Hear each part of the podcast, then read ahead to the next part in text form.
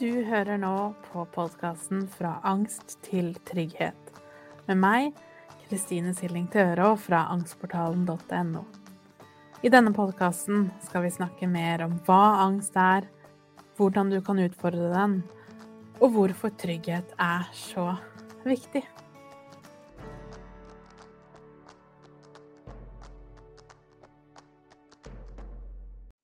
Hei og hjertelig velkommen tilbake til en ny episode. Og i dag så skal vi snakke om hvordan du kan vite når du er klar for å begynne å jobbe med angsten din. Så det jeg kaller for behandlingsfasen. I forrige episode så snakket jeg om akuttfasen. Så den perioden hvor alt er kaotisk. Enten dette skjedde plutselig, eller det kanskje har bygd seg opp over tid. Men det er gjerne veldig kaotisk, og det er i hvert fall ikke tiden for å begynne å jobbe i dybden. Med følelsene og tankene og eksponering og alt dette her. Men så kommer vi til et punkt hvor det endrer seg. Og jeg har lyst til å sette litt ord på hvordan du kan kjenne igjen at du er der. Og kanskje mest fordi jeg vil du også skal kjenne når du ikke er der. For er det noe vi har lært, så er det jo at du skal eksponere deg. Du skal møte følelsene og tankene, gjøre alle disse tingene. Det vet vi jo. Men så har det kanskje ikke fungert. Og det har kanskje endt med veldig mange ganger at du har fått mer angst, blitt mer sliten osv. Og, det er ikke så rart. Det er veldig logiske grunner til at det er nettopp sånn. Og det er det vi skal snakke om i dag. Hvordan vet du når det er tid for å jobbe innover, og når det ikke er det? Men først, hva er behandlingsfasen? Jo, behandlingsfasen det er jo når du begynner å kjenne en viss motivasjon eller nysgjerrighet mot hva som ligger bak angsten. Og det er kanskje den beste måten å finne ut om du er der eller ikke, er nettopp den lysten til, eller nysgjerrigheten på, å finne ut av det her. For når alt er kaos, så har vi bare kapasitet til å være i kaos. Det er på en måte ikke noe annet enn det vi har verken energi eller lyst eller motivasjon til. Men etter hvert så begynner vi å få hodet litt mer over vann vi begynner å se litt rundt oss og tenke tanker som hva om det er mulig å overvinne angsten? Eller jeg lurer på hvorfor har jeg det sånn, og så har andre det kanskje ikke sånn? Det er gjerne tegn på at du er klar for å begynne å jobbe i dybden. Og det er det som kjennetegner behandlingsfasen. Og det som da er viktig, er nummer én at det er helt normalt å gli litt fra den ene til den andre fasen, og så kanskje er du en, en stund her. Men så skjer det noe i livet, eller et eller annet gjør at du blir mer sliten. Kanskje angsten kommer veldig tilbake. Og vi er tilbake igjen i akuttfasen, og det er helt normalt og er ikke et tegn på at nå har alt gått rett vest, eller du har gjort noe galt, eller nå er du helt tilbake på start. Det betyr bare rett og slett at nå var det sånn. Og etter hvert så vil du komme tilbake der du er klar for å jobbe. Så når jeg lærer bort hvordan man skal møte angsten i angstportalen, og man er klar for å begynne å jobbe med den, så har jeg delt det inn i seks steg. Så jeg tenkte jeg kunne ta deg med gjennom hva de innebærer. Så når du nå er klar for, motivert for, og kanskje mest av alt nysgjerrig på hva dette her betyr, så er nummer én handler om å forstå angsten. Forstå hva som skjer i kroppen, hva er de fysiske symptomene, hvordan vet jeg hvorfor dette symptomet er angst og ikke noe annet? Så hva er det egentlig angst er, og hva skjer i kroppen? Det er steg én, eller modul én i kurset i portalen. Steg to, eller modul to, handler om å ta kontroll over angsten. Det handler om å vite hva kan jeg gjøre for å skru av angsten. Og det er et steg vi ikke må hoppe over. Fordi det er veldig lett å tenke at for å bli kvitt angsten, så må jeg ut i verden og kjempe. Jeg må pushe på, Jeg må eksponere, du har lært at du skal utsette deg selv for det du har angst for, som er vel og bra, men vi vil ikke ha en vellykka eksponering, eller klare å mestre å gå gjennom det, hvis vi ikke først vet men hva skal jeg da gjøre i disse situasjonene, hvis angsten kommer. Vi må lære en viss kontroll, som på mange måter kan handle om hvordan finner jeg av-knappen. Hvordan skal jeg vite når angsten kommer, når symptomene som jeg er så livredde for, hvordan skal jeg dempe eller skru av det? For det vil nemlig også gjøre at når du først da skal ut i verden og eksponere deg, så er du i stand til å gjøre enda mer. Nettopp fordi du vet blir dette for ille, så vet jeg akkurat hva jeg skal gjøre. Og nummer to, eller nummer tre, beklager, er jo da hvordan kan jeg møte følelsene? For i de fleste tilfeller så kunne vi egentlig bare kutta ut og bruke ordet angst, og heller satt inn ordet følelser. Så hva er følelser? Hva er det jeg egentlig føler? Hva er det som går igjen i angsten din? Og ikke minst, hvor kommer disse følelsene fra? For de fleste av oss så føler vi oss så ekstremt utrygge og ute av kontroll når det kommer til følelsene. Og spesielt kanskje følelser som skam eller sinne, eller det å være lei seg over lang tid. Det er skremmende, og det er vondt. Og så har vi kanskje aldri helt lært hvordan vi skal forholde oss til det, eller hva dette her egentlig handler om. Og det er det da viktig, en viktig del av behandlingsfasen før vi begynner å pushe på ut i verden, det å lære deg selv å kjenne. Hvor kommer følelsene dine fra? Hva handler det om? Og hvordan i alle dager skal jeg klare å bevege meg gjennom de? Og følelser er også noe jeg skal snakke om i en egen episode senere, sånn at du vet det. Det samme med tankene. Steg nummer fire handler om nettopp kontroll over tankene. Vi har ikke møtt et eneste menneske med angst som ikke også har et problematisk forhold til egne tanker. Det kan være sterke tanker som tar helt over, en katastrofer eller vonde, vanskelige tanker. Eller det kan handle mer om tanker som Kommer jeg noen gang til å få det bedre? Eller vil det alltid være sånn som det her? Eller det jeg føler på nå, har jeg aldri følt på før. Det må være noe farlig. Så tanker som trigger angsten vår fordi de er så skremmende. Det å forstå hvordan kan jeg forholde meg til tankene mine, som er ganske forskjell fra følelsene. Men igjen, det skal jeg snakke om i en helt egen episode, så vi skal gå litt mer inn i det. Men sånn helt på overflaten, det å lære hvordan skal jeg behandle tankene mine for å roe det ned, det er viktig før vi begynner å gå ut i verden og eksponere oss.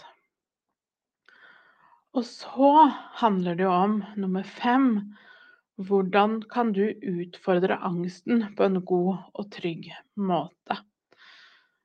For det er ikke sånn at det bare er så enkelt, og ikke enkelt i teorien, men, men nei, i praksis, eller, men i teorien at vi bare kan pushe oss ut. At eksponering kort og godt handler om å bare pøse på med alle de fæle situasjonene eller tankene eller følelsene, og at det på en eller annen magisk måte skal gjøre alt så mye bedre og enklere. Det er jo ikke sånn det fungerer, og det har du helt sikkert erfart også selv, og har kjent på at det ikke egentlig har hjulpet. Så det vi skal øve på, er jo nettopp hva betyr da det? Hvordan kan jeg gå ut i verden og bli tryggere i situasjonene jeg er redd for? Og da er det et par ting vi trenger å vite om. F.eks. angstkurven, som er en kurve som viser hvordan alle følelser og angsten fungerer. Så for å beskrive det, så ser det ut som en liten fjelltopp, hvor du kan se for deg at følelsene stiger og stiger og stiger sammen med angsten til det når et toppunkt, og så vil det gli over på andre siden. Det er tilfellet for absolutt all angst. Men det som gjerne skjer hvis vi utsetter oss selv for situasjoner som vi ikke helt var klare for, det er jo at følelsen eller angsten begynner å stige litt oppover denne kurven. Og så får vi panikk. Vi flykter, eller vi rømmer, eller vi fryser, eller vi reagerer på en måte som gjør at vi ikke lenger klarer å stå i situasjonen fordi vi ikke har noen verktøy til å gjøre det med. Vi har aldri lært hvordan som gjør at du flykter. Og det betyr at neste gang du står i samme situasjon eller samme følelse eller samme tanke, så når du kommer til det samme punktet, hvor du kanskje bare så vidt har steget litt, så vil dette oppleves enda verre igjen. Så for hver gang du da står i situasjonen, så vil det bli verre og verre. Altså angsten, tankene, følelsene vil bli større og større og verre og verre.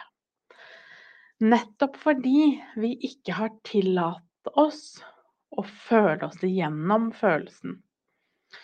Så det betyr jo at når vi skal begynne å eksponere oss, når vi skal begynne å gå ut i verden, så trenger vi å gjøre det helt i vårt tempo. Fordi at du trenger å lære hvordan du kan gå igjennom hele denne angstkurven uten å bryte den. Men da kan vi jo ikke kaste oss inn i de verste stormene med en gang. Så det jeg er da veldig opptatt av, er å lære deg hvordan skal du vite hvor du skal starte, sånn at angsten er såpass lav at du klarer å føle deg gjennom eller stå i situasjonen. Men samtidig høy nok til at det blir en utfordring, at du går litt utenfor komfortsonen. Og det er nettopp da de forrige elementene er så viktige. Det at du vet at jeg har et valg. Jeg vet hvordan jeg kan skru av eller dempe angsten min. Det gjør at du også får en økt selvtillit på at jeg kan også pushe meg litt ekstra. Fordi jeg vet at jeg klarer å stå i denne situasjonen her, og vet akkurat hva jeg skal gjøre for å roe meg ned såpass at angsten også roer seg ned til slutt. Og det er det som er hele nøkkelen her. Hvor går din grense? Og hvordan skal du vite hvor mye du bør pushe deg? Og det er jo slitsomt. Det er kjempeslitsomt å utfordre alle demonene hele tiden. Men det som da kan være en, en, viktig nøkkel her, eller en viktig måte å tenke, er jo nettopp at når du For å vite forskjellen på om du har pusha deg for mye eller passe, er jo om du blir sliten på en sånn måte at det tar deg kanskje resten av uka på å samle deg, hvis i det hele tatt du klarer å samle deg og, og lade opp igjen. Eller om du er sliten på en sånn måte at du kommer hjem, du kan slappe av litt på sofaen, kanskje en god natts søvn, og så føler du deg mer til stede i deg selv. Noen vil også kanskje trenge flere dager, og det er også helt normalt, så lenge du kjenner at du klarer å hente deg inn igjen. Det er det som er hele clouet. Så det å bli ekspert på egen eksponering og øve på hva betyr det egentlig for deg, og hvordan du kan gjøre det på en kanskje mer teknisk og gjennomførbar måte, hvor vi legger en god plan. Og du vet at på forhånd så har jeg øvd på å møte følelsene og tankene, og jeg har øvd på å ta kontroll over angsten. Sånn at når jeg først kommer dit, så vet jeg hva jeg skal gjøre. Sånn at flukt ikke blir det eneste alternativet du har. Og fluktfølelsen den vil jo komme, fordi det er det som er angsten. Så vi må vite hvordan kan jeg stå i det uansett hva det er. Og så tenker du kanskje at ja, men min angst er litt annerledes. Fordi at min angst er ikke at jeg er redd for å gå på butikken eller kjøre bil, kjøre hei, sånne ting som det er kanskje litt enklere å forstå eh, hva vi skal gjøre. Det er ingen konkret ting. Det er kanskje mer en opplevelse av kaos. Det er kanskje mer en forståelse av å eh, har mye vonde følelser, kanskje du har mye tankekjør, vonde tanker som du ikke helt vet hva du skal gjøre med.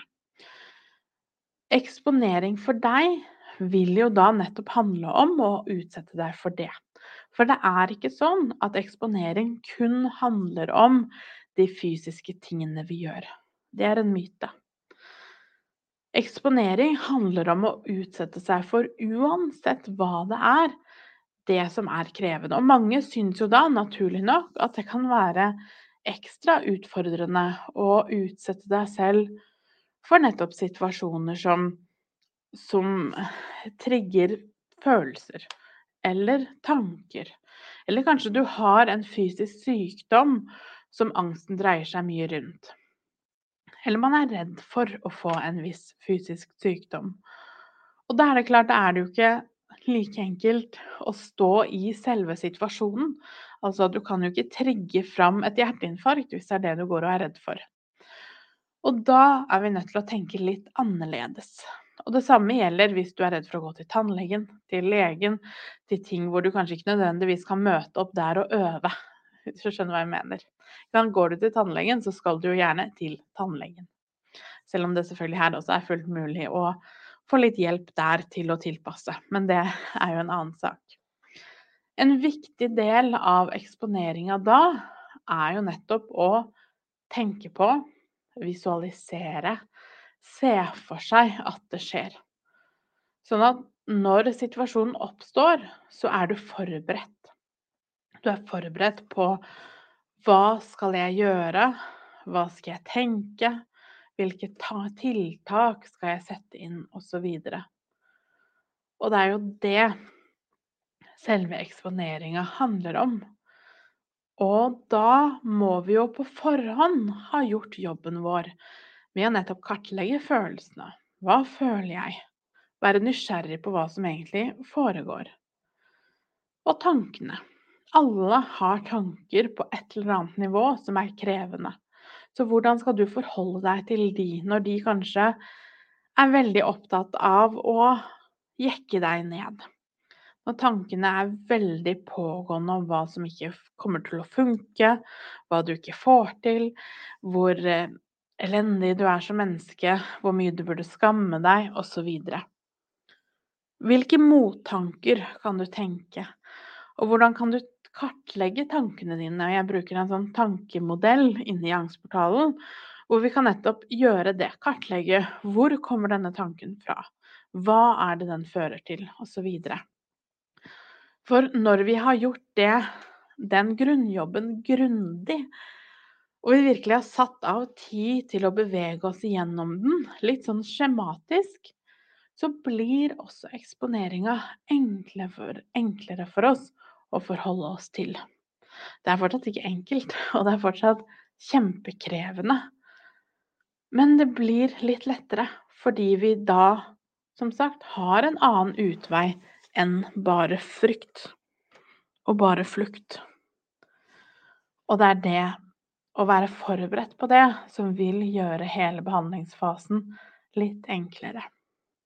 Og som jeg startet med å si, så er det kjempeviktig at du også vet at det er ikke sånn at dette her er en helt lineær prosess.